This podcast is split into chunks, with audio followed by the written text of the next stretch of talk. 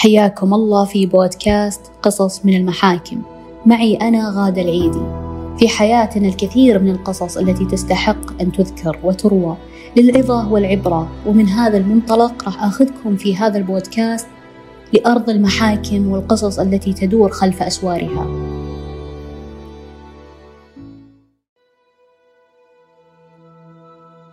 يسألونك وانت صغير وش ودك تصير إذا كبرت؟ وتجاوبهم وبكل ثقة أود أن أصبح طيارا طبيبا مهندسا. وأنت لا تعلم حقيقة هذه المهن ومتطلباتها وأهدافها. كنا نجيب على السؤال وكأننا نريد أن نقول وبصوت عال أريد أن يكون لي شأن عظيم في هذه الدنيا. قبل لا أبدأ بقصة قضيتنا اليوم أرجع أنوه أن جميع الأسماء المذكورة في هذه القضية لا تمت للواقع بصلة.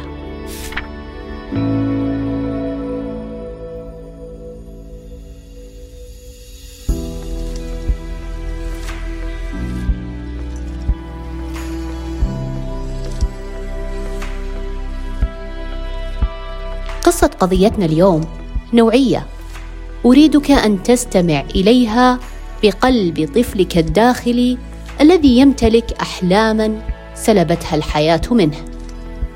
اسمعني يا صغيري. الجوهرة مراهقة عمرها 18 سنة. شاطرة جدا ودرجاتها العلمية فوق الممتاز. هدفها إنها تدخل تخصص صحي وتنجح بالقدرات والتحصيلي بمعدل يضمن مستقبلها. وفعلا الجوهرة كانت قول وفعل. درست وكافحت وتخرجت من الثانوية بمعدل يفوق الممتاز. بعد كذا قدمت على جميع الجامعات والتخصصات والرغبات الصحية وجلست تنتظر. وبدأت تحاول تمضية الوقت بأمور أخرى حتى لا تصاب بالهلع من الانتظار. بينما عقلها كاد يتحلل من فرط القلق والانتظار. نتيجة القبول كانت بالنسبة لها رعب يوشك على الحدوث. الجوهرة فتحت جهازها وبحثت عن أعمال تطوعية وأعمال تطويرية تشارك فيها في الصيف. ولفت انتباهها إعلان الورشة عمل عن الطبخ. وجاوبها صوتها الداخلي والله يا الجوهرة طبخك مو بشين. ليش ما تجربين تسجلين بالورشة وتبدعين بالأطباق؟ وفعلا أخذت النموذج حق الورشة وكتبت البيانات وتم التسجيل. فوجئت بالقبول السريع للورشة وتمنت لو أن هذه السرعة كانت لقبولها في حلمها وتخصصها اللي تبغى تدخله. وابتسمت ابتسامة تخفي خيبتها. ما تدري تفرح ولا تضحك من سخافة الموقف. يا لسخرية القدر يا الجوهرة.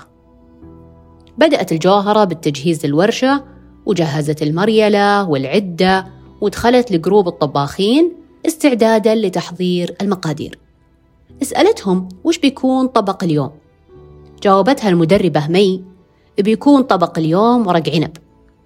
وقالت لهم مي بالجروب أعرف أن الطبق صعب لكن كلكم شفتوا الإعلان أن الورشة مو للمبتدئين. والكل كان متحمس ومن ضمنهم الجوهرة.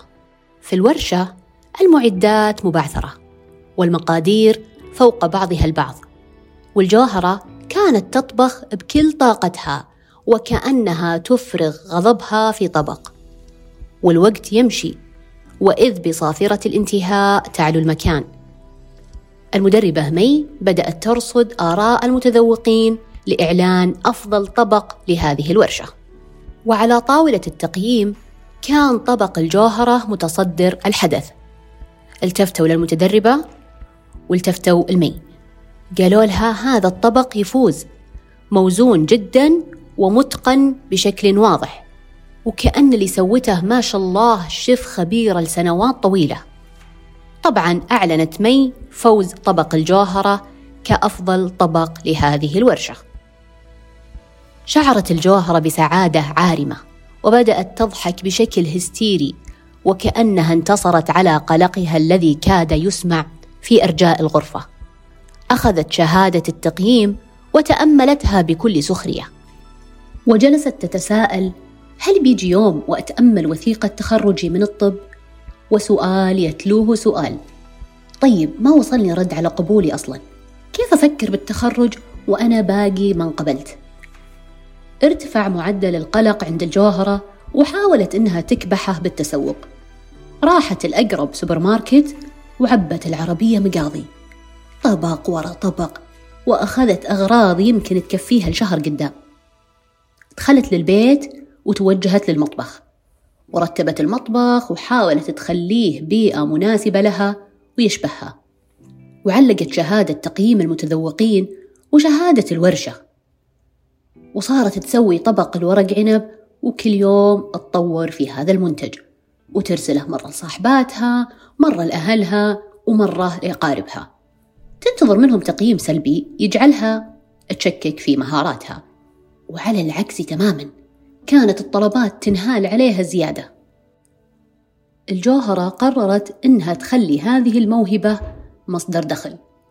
وبلغت اللي حولها إنها بدأت تأسس متجرها وتسعر منتجها.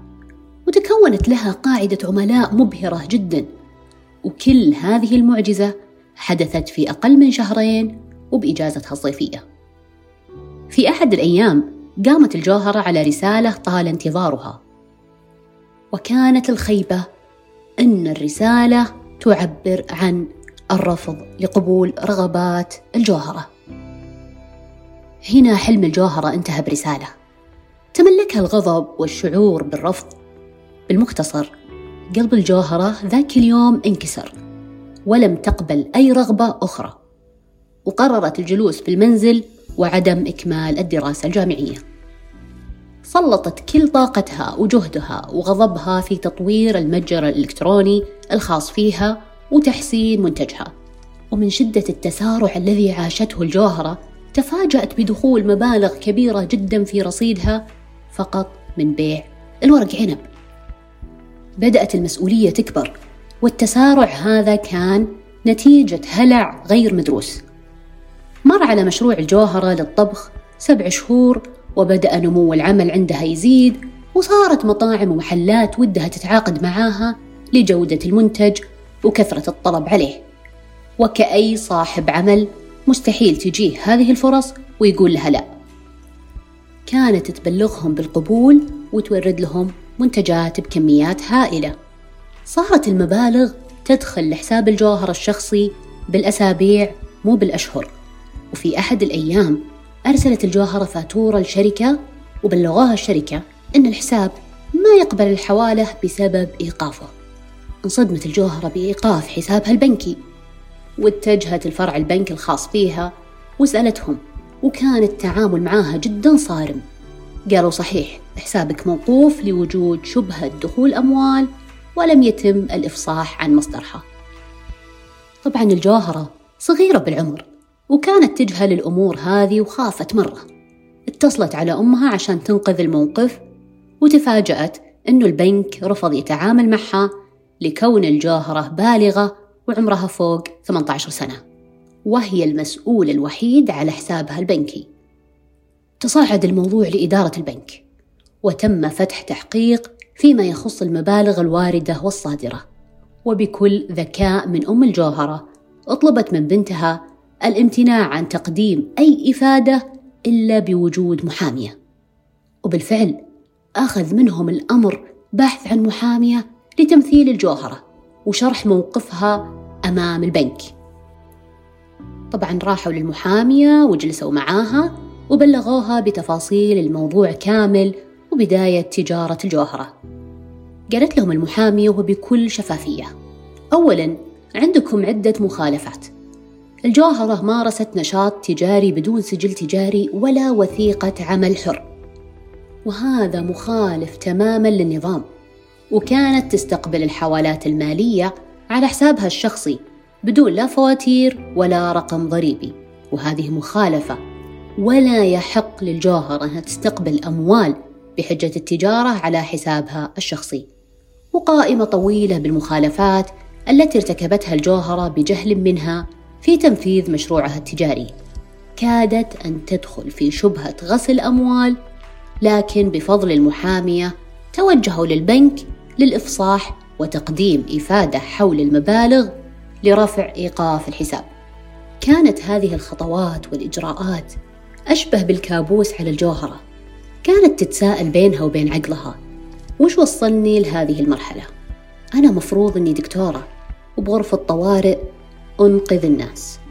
أنا تتوقف حساباتي بسبب بيع من البيت تساؤلات وجلد ذات وقسوة على الذات وما قطع حبل أفكارها إلا صوت الموظفة وهي تقول لها خلاص يا الجوهرة تم إزالة الإيقاف عن حساباتك. وهي تقول لها الخبر كأنهم يبلغونها بحكم إفراج من جريمة لم ترتكبها. غمرتها الصحوة وناظرت نفسها بالمراية وقالت أنا الآن رائدة أعمال ورصيدي يضمن مستقبلي. أنا قادرة على خلق منتج مرغوب في المجتمع. لماذا يعتريني شعور بغير الرضا؟ ما لقت أجوبة لتساؤلاتها. وراحت الأمها تسألها وما لقت عندها إجابة. على العكس لقت من أمها تأنيب ضمير على عدم تقديرها للنعمة. وهذا زاد من سوء حالة الجوهرة النفسية. وجلست تبحث عن إجابة لسؤالها وحصلت منشور لطبيبة نفسية. تتحدث فيه عن موقف يشبه الموقف اللي تمر فيه الجوهرة والوضع الحالي. وهنا أدركت الجوهرة أن الحيرة التي تعتريها ليست أسئلة إنما شعور بالتعب والقلق يستدعي الاحتواء والعلاج. وقررت النجاة وتواصلت مع الطبيبة. فهل تنجو؟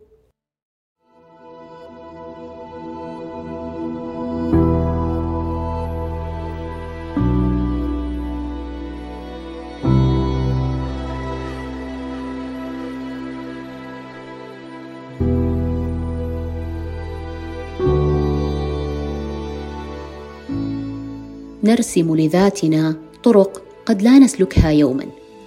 قد يتغير أحد مخارجها ونميل عن مسارنا قليلا.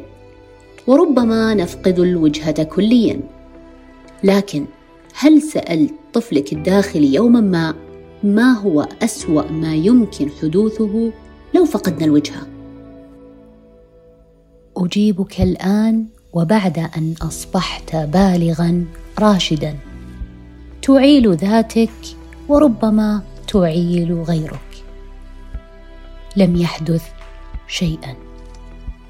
لقد نجوت من قدر لو كان خيرا لجعلك ربي تسلكه.